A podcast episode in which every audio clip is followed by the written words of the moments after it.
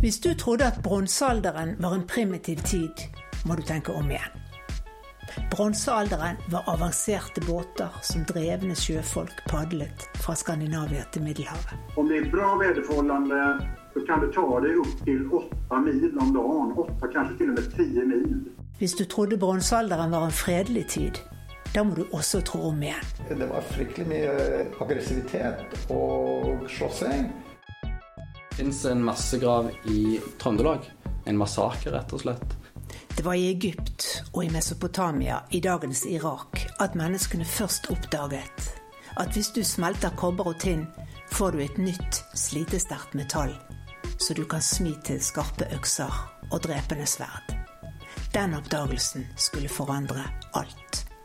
Du skal tenke på uh, bransjen på samme måte som i dag vi tenker på olje og bensin. Velkommen til bronsealderen. Jeg heter Anne Synnevåg. 90% kobber blandes med 10% tinn, og du får et nytt metall som ingen hadde sett før. Det var den oppdagelsen som skulle forandre verden så radikalt. Det som skjer i og med at man begynner å blande sammen to metaller som ikke finnes sammen i jordskorpen, kobber og tinn, så skaper jo det grunnlag for enda mer sterkere og tettere samhandling mellom forskjellige deler av Europa, og for så vidt også Europa og Asia. Sånn at dette her blir en sånn boost i handel og nettverksbygging som er veldig viktig for hvordan disse bronsealdersamfunnene, bl.a. i Skandinavia, hvordan de arter seg, hvordan de eh, ser ut. Arkeolog Anne Lene Melheim ved Kulturhistorisk museum i Oslo har forsket på bronsealderen i Skandinavia som varte i 1100 år. Fra 1700 til 500 før Kristus. Tidligere så pleide man jo alltid å se på Norge som et utkantsområde. Og så var det diskusjoner mellom de som mente at i Norge så fortsatte egentlig bare steinalderen. Eh, og det at man skaffet noen litt metall, det var liksom bare et helt sånn overfladisk fenomen. Og så er det de som har ment at nei, de samfunnene på den skandinaviske halvøya, og da inkludert Norge, var akkurat på samme kulturelle nivå eller hadde samme kultur som samfunnene i Sør-Skandinavia, som er enormt rike. Altså Danmark er et av de rikeste områdene i Europa i visse perioder av bronsealderen eh, på metall. Det har vært enorm tilgang til metall. Det er takket være helt nye dateringsmuligheter at vi nå kan si så sikkert at Skandinavia i bronsealderen var alt annet enn en fjern utkant av Europa. Det sier professor Christian Christiansen, som jobber ved Universitetet i Gøteborg. Han er nestor innen bronsealderforskningen i Norden. De var langt mer avanserte enn vi trodde de var. De kunne organisere store handelsekspedisjoner, både med, med skip og båter og over land, som brakte kover og tinn i ganske store mengder hele veien opp til Norden regelmessig. Det var ikke bare en tilfeldig ekspedisjon. Det var noe der, der var velorganisert og kørte år for år. Store ekspedisjoner til de britiske øyer og til kontinentet, helt ned til Middelhavet. Bronsealderen ligner jo unektelig på en helt annen tid. Mer enn 1000 år seinere. Det vi ser nå, når vi på en måte begynner å sammenligne bronsealderen og vikingtiden, det er jo at det er noen veldig klare likhetstrekk mellom disse to periodene. Det er selvfølgelig også forskjeller, men det er noen ting som er ganske likt i hvordan nordboerne forholdt seg til omverdenen. Dette her med å reise ut med skip, eh, skaffe varer, delta i internasjonal handel. Eh, sikkert også plyndre, erobre nye landområder. At det har vært en viktig del av eksistensgrunnlaget for samfunnene på den skandinaviske halvøya. Bronsen forandrer livet til alle, enten du er bonde, husmor, sjømann eller kriger. Eller slave. Av bronse kan du smi sylskarpe økser og sverd, men også lage vakre smykker som skinner som gull og følger de døde i graven. Bronsen erstatter andre materialer på alle områder i samfunnet, sier Johan Ling.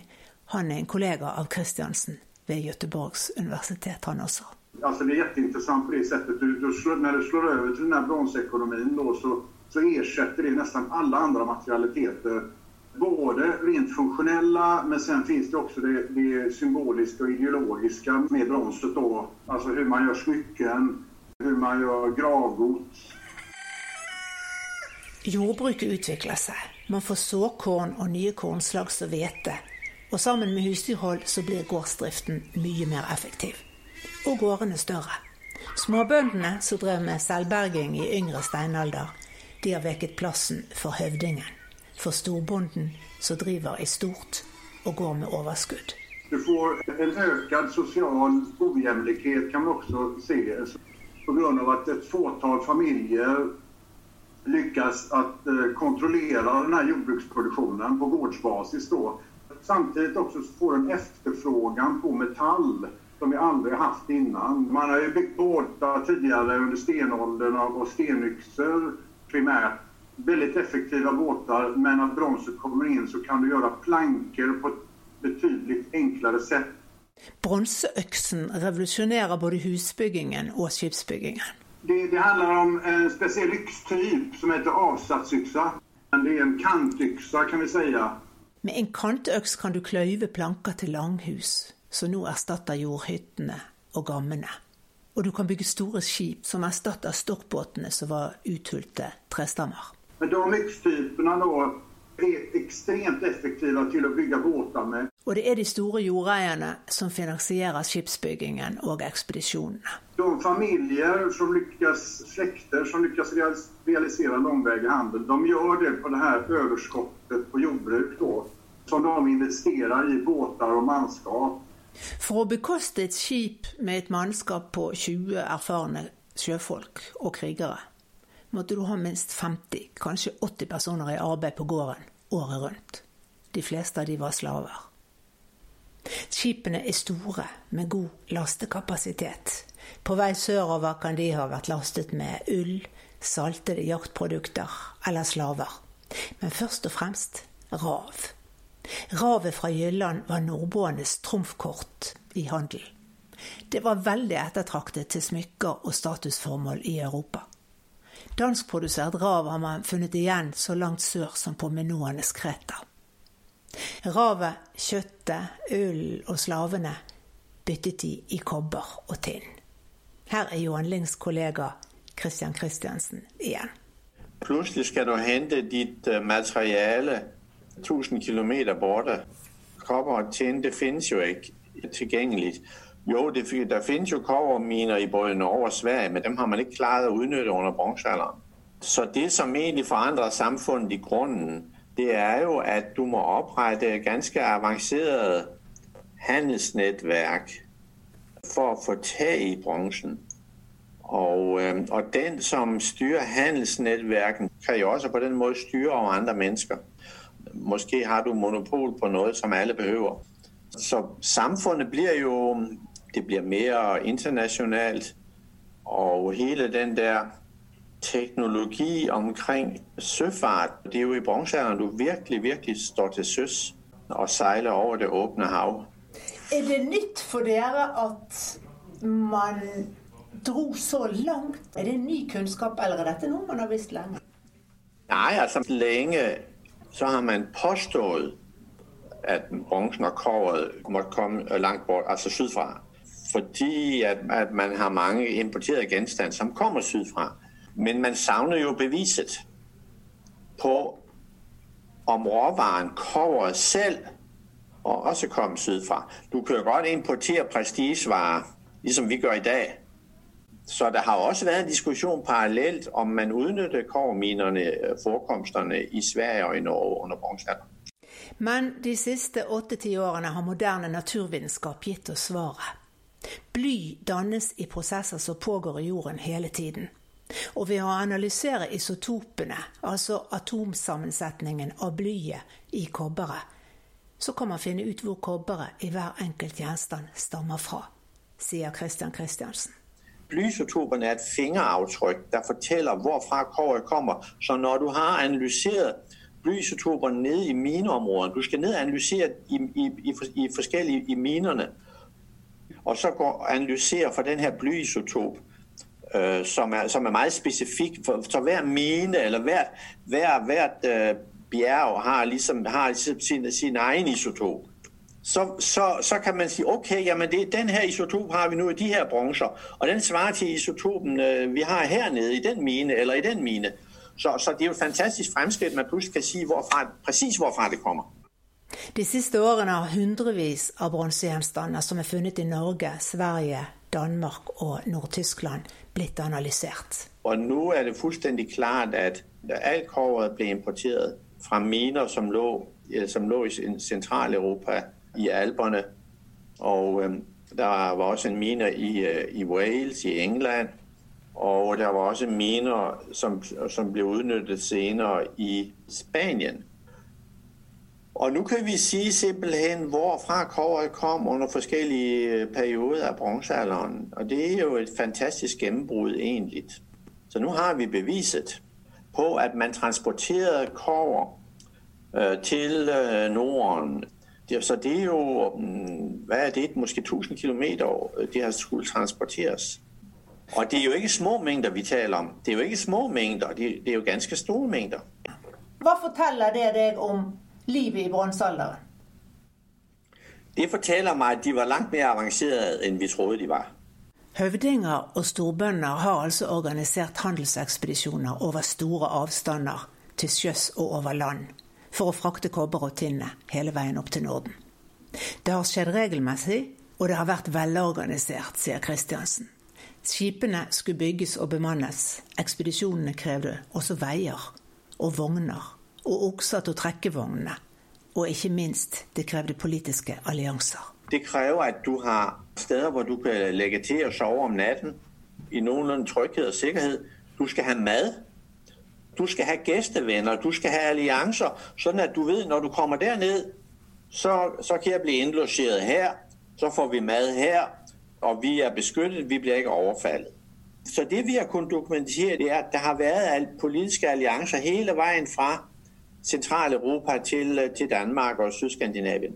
Og der har det allianser hvor man har giftet seg, og kvinner og menn har øh, flyttet seg. Og det har vi kunnet vise ved hjelp av strontiumisotoper på, på mennesker. Strontium er et grunnstoff, og strontiumisotopene i tannemaljen din avspeiler hva du har spist opp gjennom livet, og hvor maten kommer fra. Så ved å sammenligne verdiene av strontium i tannemaljen med jordsmonnet i et bestemt geografisk område, så kan forskerne finne ut hvor et menneske har vokst opp. I Danmark er det flere vel bevarte graver fra bronsealderen. Den mest berømte er Ektvedpiken på Jylland, som døde en sommerdag for 3370 år siden. Graven hennes kan du se på Nasjonalmuseet i København. På mirakuløs vis er en rekke grave fra bronsealderen bevaret til oss hvor vi kan se de døde ligger i deres egekister med deres tøy. Hun må ha tillatt overklassen, for hun fikk en storslått begravelse.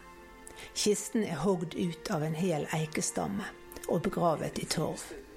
Av selve piken er det bare hår, hjerne, tenner, negler og litt hud igjen. Tennene forteller at hun døde da hun var mellom 16 og 18 år.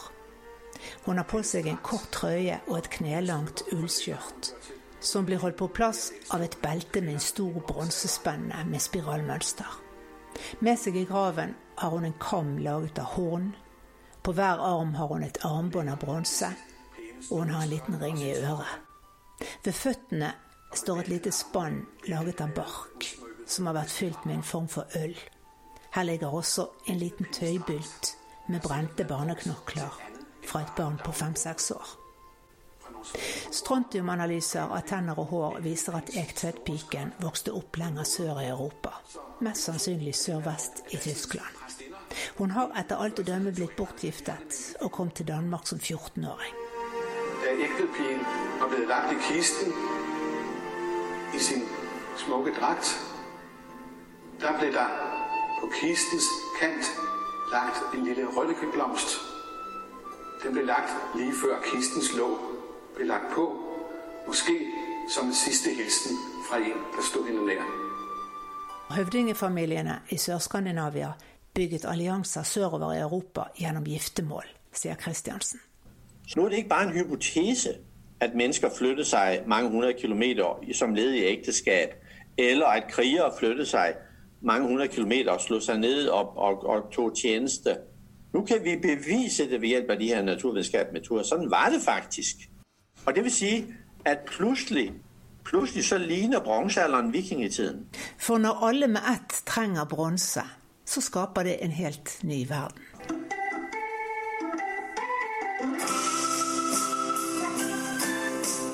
Hver eneste gård behøvede det. Fordi du skulle ha det til dine økser, til dine knive, til dine våben, til dine... Hver eneste gård i hele verden, i den kjente verden, fra Irland til Kina, de behøvede det her. Og når så minerne, der var ganske få miner, der leverede det. Det var ikke noe du fant overalt. Der var ganske få miner, som, som hadde en, en kjempestor stor produktion, som så distribuerte det ut øh, over hundrevis av kilometer. Og det er litt liksom med oliefelterne i dag. Der er noen få steder i verden, hvor du riktig kan producere olje og levere til resten av verden. Så det er derfor, vi taler om, at bronzealderen egentlig var den verdens første globalisering. Første gang, at verden blir bundet sammen i et netværk, fordi alle behøver det samme råstoff.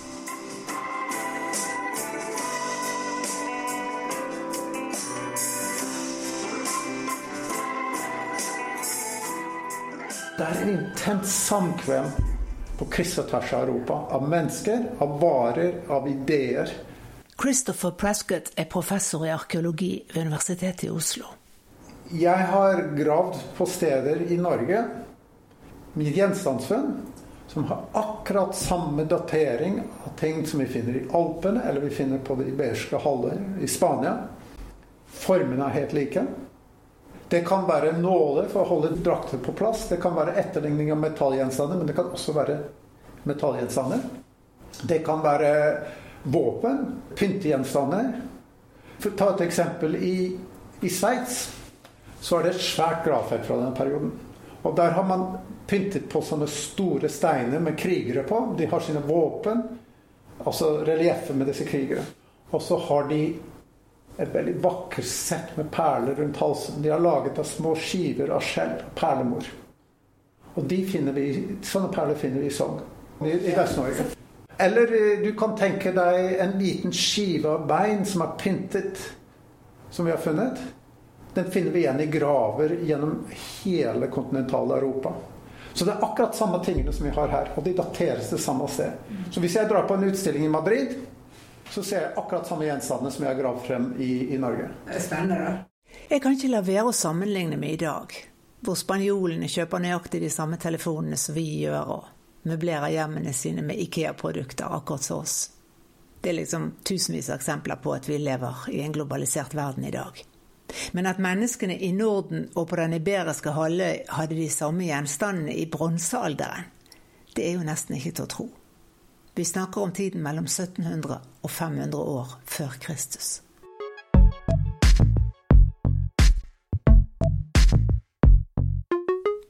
Du hører på Forskningspodden. Vi snakker om bronsen. Det nye metallet som revolusjonerer samfunnet for 3700 år siden. De første bøndene i Skandinavia de som levde i yngre steinalder, før bronsealderen, de levde i et samfunn som, selv om det ikke var egalitært, så var det langt mer kollektivt og mindre lagdelt enn det som skulle komme etterpå. For bronsealdersamfunnet var et ekstremt klassesamfunn, sier professor Christiansen. Du fikk en klasse av hva jeg vil kalle frie bønder. Altså dem som eier, som har eierskap til kveg kvæg og til jord, som både er, er, er bønder, men de er også krigere, som sad på gården og kontrollerte jord og dyr og handel og krigere. For en kriger er jo i tjeneste hos noen. Og, og du skal forsørge en kriger.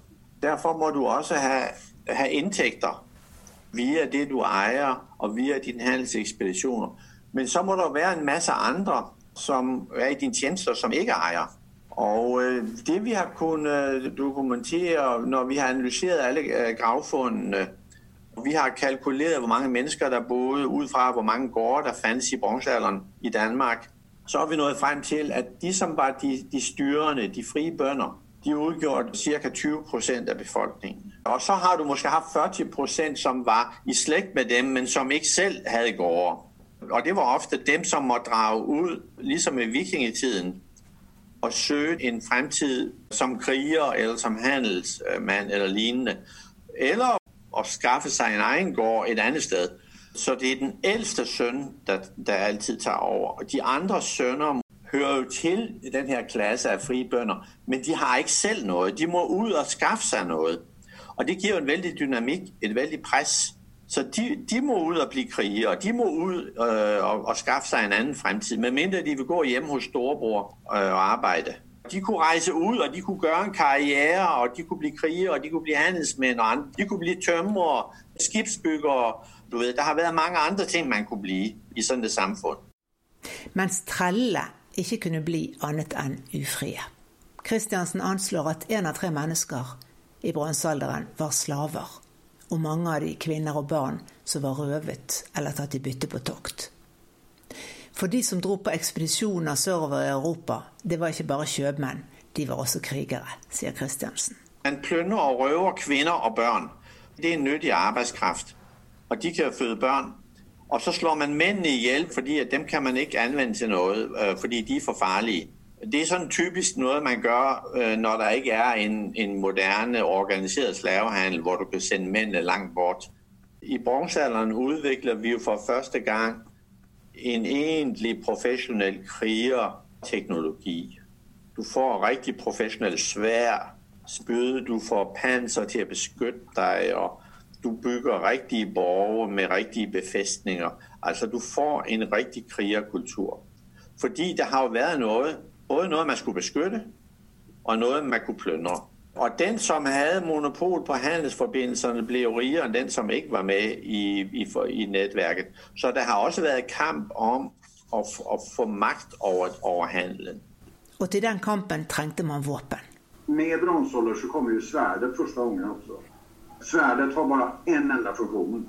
De andre, bykser og spjut kan man anvende til jakt, til å bygge båtar, hus. Men svärdet, det er bare til for en enda sak, og det er, det er å ha andre mennesker.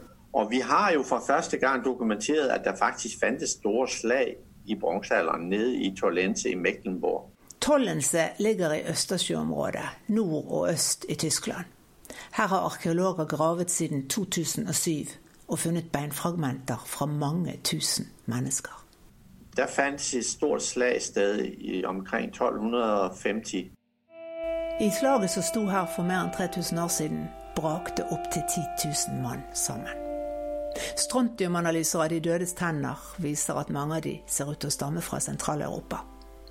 De må ha prøvd å ta seg opp til Norden, men ved Tollensee, et viktig knutepunkt mellom nord og sør, blir de stanset av krigere fra Nord-Tyskland og Skandinavia. Opptil 4000 krigere er blitt dumpet her, i et elveleie. Skadene på skjelettene deres tyder på at de er blitt angrepet med bronsespyd. Arkeologene har også funnet pilspisser av bronse og flint og treklubber. Mange av de døde har spor etter gamle skader, som tyder på at de har vært erfarne krigere. Også i Norge fins en massegrav fra bronsealderen, på Sund i Trøndelag. Her fant arkeologene på 70-tallet levninger av mellom 20 og 30 mennesker i en gravhaug. Mest kvinner og barn. En massakre, rett og slett. Sier arkeolog Knut Ivar Austvoll ved Universitetet i Oslo. Så hvorfor dette har skjedd, er jo bare spekulasjon, men du kan jo tenke deg at det finnes områder sør eller nord for dette området der det har oppstått konflikt. De bor rett ved et sund, derav navnet gården Sund. Eh, og igjen så kunne disse her hatt en mulighet til å kontrollere varer videre opp eh, Trondheimsfjorden. Vært en, mm. en landsby. Ja, rett og slett. Hvorfor har de gjort det? Det er vel eh, ja, det er nok en konflikt, eller de var en trussel for noen andre. Det, det, vet vi jo ikke. Men det er jo ingen gjenstander heller i denne graven. Det er jo ingen rikdom, så de har jo egentlig bare blitt eh, kasta i i en haug, rett og slett. Så det er jo det er en fæl side av, av, historien, men en veldig sånn, interessant del av historien da, som forteller ganske mye om dette samfunnet. Det er først de siste tiårene at vi har skjønt at bronsealdersamfunnet var alt annet enn fredelig og harmonisk, sånn som det ofte ble fremstilt før, sier professor Christopher Prescott. Og nå kommer alle disse dataene som, som viser at det var fryktelig mye aggressivitet og slåssing. det var antagelig nokså markante kjønnsforskjeller. Sosial ulikhet, og man inngikk i store nettverk av forbindelser som i perioder strekte seg helt ned til det østlige Middelhavet. Dette er en av de mest dramatiske perioder i Europas historie, og Asias historie. Og Asia, Europa og til dels Nord-Afrika er bundet sammen i dette fellesskapet. Det er forferdelig spennende. Professor ved Universitetet i Gøteborg, Johan Ling, har gransket 1700 helleristninger i Bohuslän på den svenske vestkysten. Ni av ti av de forestiller båter. Og mannskapet må ha vært ekstremt dyktig til å padle, mener Ling. De kan nok ha satt en type seil også innimellom, men masten har ikke vært fastmontert. Det er padlekraften som har vært den viktigste motoren. Men padlingen skal man ikke underskatta for att de her båtene med bara paddelteknik, med, med paddelkraft, kan ta seg Om det er bra väderförhållande, så kan det ta det opp til åtte mil om dagen. Åtta, kanskje til og med ti mil. I Danmark har man funnet en nesten komplett båt fra tidlig jernalder, hjortspringbåten. Og den ligner på båtene fra bronsealderen som er avbildet på helleristningene. Den ble padlet av 20 mann pluss en styrmann akter og en i baugen. Hjortspringbåten var et krigsskip. Sammen med båten så fant man også mye våpen. Det danske OL-teamet i padling har padlet en kopi av dette skipet. Og de fikk det opp i en fart på mellom fire og fem knop. Og Johan Ling mener at de som padlet skipene i bronsealderen, tåler sammenligning med toppidrettsutøvere. Og det er som å se et ishockeylag. Oerhört vältränat mannskap med 22 man som alternerar hela tiden. Förmodligen paddlar du 8-10 timmar, kanske 12 och sen så går du land, bilar och, och, och sen så fortsätter du. Men det här är elitidrottsmän. Det ingår i hela deras roll som eh, resande, sjömän, handelsmän, krigare. Att de är som maskiner egentligen. Va? Och, och, och använder sig primärt av paddelkraft som är väldigt effektivt. Du kan starta når du vil, du stopper når du vil. Og det er de som avbildes på ristningene også. Padlerne har sittet på ulike plasser i båten avhengig av kroppsvekt og høyde. Eh, så de har makset båtens kapasitet virkelig. De som laget helleristningene av skip, gjorde det som del av et rituale for å mestre kreftene i havet, mener Ling. Som en slags mental oppladning før reisen. For havet er farlig. Du må ha et samlat team. Du måste vara oerhört samspråkad for å klare av med de her båttyperna Då. På helleristninger fra eldre bronsealder er båtene enda større. Noen av de viser et mannskap på over 60 mann, som kan ha padlet helt ned til Middelhavet. Og vi ser også på helleristningene så ser du ikonografi, symboler og annet som det nærmest hva man kan jämföra med, er Medelhavet. I skandinaviske helleristninger mener Ling å gjenkjenne motiver fra den minoiske kulturen på Kreta. Som figurer som gjør baklengs salto. I mosaikken på palasset på Knossos hopper de over okser. På helleristningene over båter. Og små firkantete figurer i helleristningene som man før trodde forestilte klesplagg, de forestiller etter alt å dømme kobberplater som ble masseprodusert på Kypros og brukt som valuta i internasjonal handel. Det finnes et sterkt kosmopolitisk innslag i henvisningene som er oerhört spennende. Du har vagnsekipasje som, som påminner om dem riktig nede i Medelhavet. Du har store likheter med helvisningene i Spania og våre ristninger. Det peker på at de her gruppene som, som gjør ristningene de är involverade i långväga handel och de är slags kosmopoliter kan man säga.